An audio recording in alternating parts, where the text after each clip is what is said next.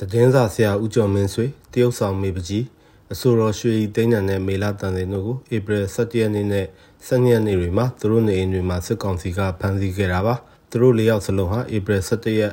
ကမ်ဘလူးပစီကြီးကျေးရွာလေကြောင်းတိုက်ခိုက်မှုနဲ့ပတ်သက်ပြီးလူမှုကွန်ရက်စာမျက်နှာမှာဝေဖန်ခဲ့လို့အဖမ်းခံခဲ့ရတာဖြစ်ပါတယ်။ သူတို့ကိုတက်စစ်ကြောရေးအောင်တပြေစစ်ကြောရေးတွေမှာစစ်ဆေးပြီးဧပြီ20ရက်နေ့မှာစစ်ကောင်စီကနိုင်ငံတော်အကြီးအကျယ်ပြတ်စေမှုပုံမှရာဇသက်ကြီးဥပဒေပုံမှ95ကကြီးနဲ့တရားစွဲဆိုခဲ့ပါတယ်။သတင်းစာဆရာဦးကျော်မင်းဆွေကိုဧပြီ20ရက်နေ့မှာချုပ်ရမှန်ယူခဲ့ပြီးစစ်ကောင်စီကအမှုဖွင့်တိုင်ကြားခဲ့ပေမဲ့လက်ရှိအချိန်ထိတရားရုံးကတရားစွဲတင်ထားတာမရှိသေးဘူးလို့တရားရုံးနဲ့နှိစက်သူတယောက်ကပြောပါတယ်။20နှစ်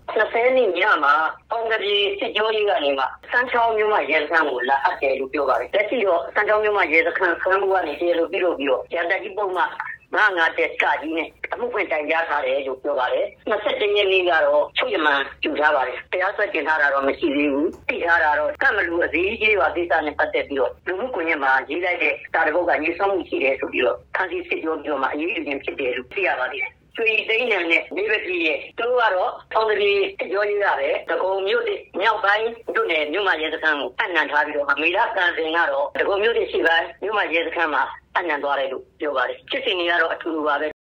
လက်တလုံးမှာစစ်ကောင်စီကဖမ်းဆီးခံရသူတွေကိုတပ်စစ်ကြောရေးမှစစ်ဆေးပြီးအဲဒီကနေရွှေတကုံဖျားနီးရဲပိရိကတိုက်မှာရှိတဲ့အောင်တပြေစစ်ကြောရေးကိုထပ်မံပို့ဆောင်နေရှိတယ်လို့တရားရုံးနဲ့ညီသက်သူတယောက်ကပြောပါတယ်။ စစ်ကောင်စီကသူတို့ဖမ်းထားတဲ့သူတွေကိုစစ်ကြောရေးတွေမှာအကြမ်းဖက်စစ်ဆေးလေးရှိပါတယ်အဲအောင်တရီစစ်ကြောရေးကစစ်ကြောရေးလုပ်တာမဟုတ်ဘူးအမှန်တော့တက်စစ်ကြောရေးကနေပြီးတော့မှစစ်ကြောပြတဲ့လူတွေကိုအောင်တရီစစ်ကြောရေးကိုပို့လိုက်တာပေါ့အောင်တရီစစ်ကြောရေးကိုပို့ပြီးတော့အောင်တရီစစ်ကြောရေးကအဲ့ဒီလူတွေကိုတက်စစ်ကြောရေးစီကနေလက်ခံပြီးတော့မှတက်ဆိုင်ရာမျိုးမှရဲခန်းကိုလိုက်ပို့ရတာ။ဟိုကတော့ကျွန်တော်ရမ်းနေသိကြတာတော့ဖြစ်ဖို့ရနာရဲစိတ်တက်တိုင်းမှာလို့ပြောပါတယ်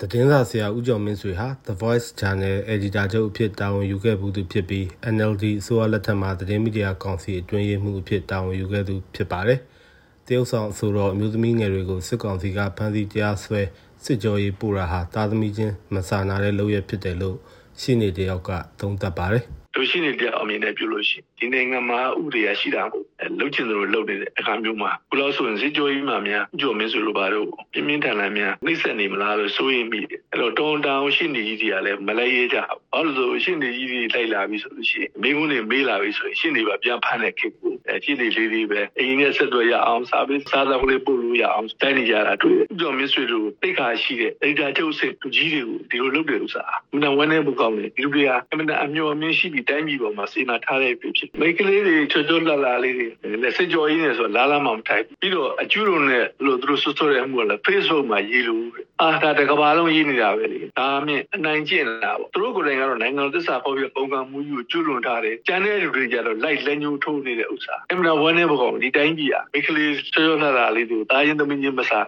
စစ်ကြောကြီးမှာခေါ်ယူမေးမြန်းပြီးအမှုတွေဖွင့်တယ်ဆိုတာတရားဥပဒေမဲ့ဖြစ်လုံးတယ်လို့ဒီလိုပြောချင်ပါတယ်နော်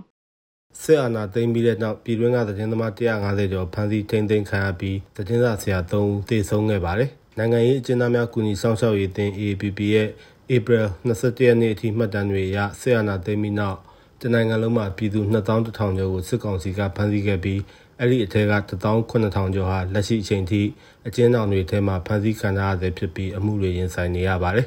။ကျွန်တော်တုဒ္ဒချမ်းသာပါ။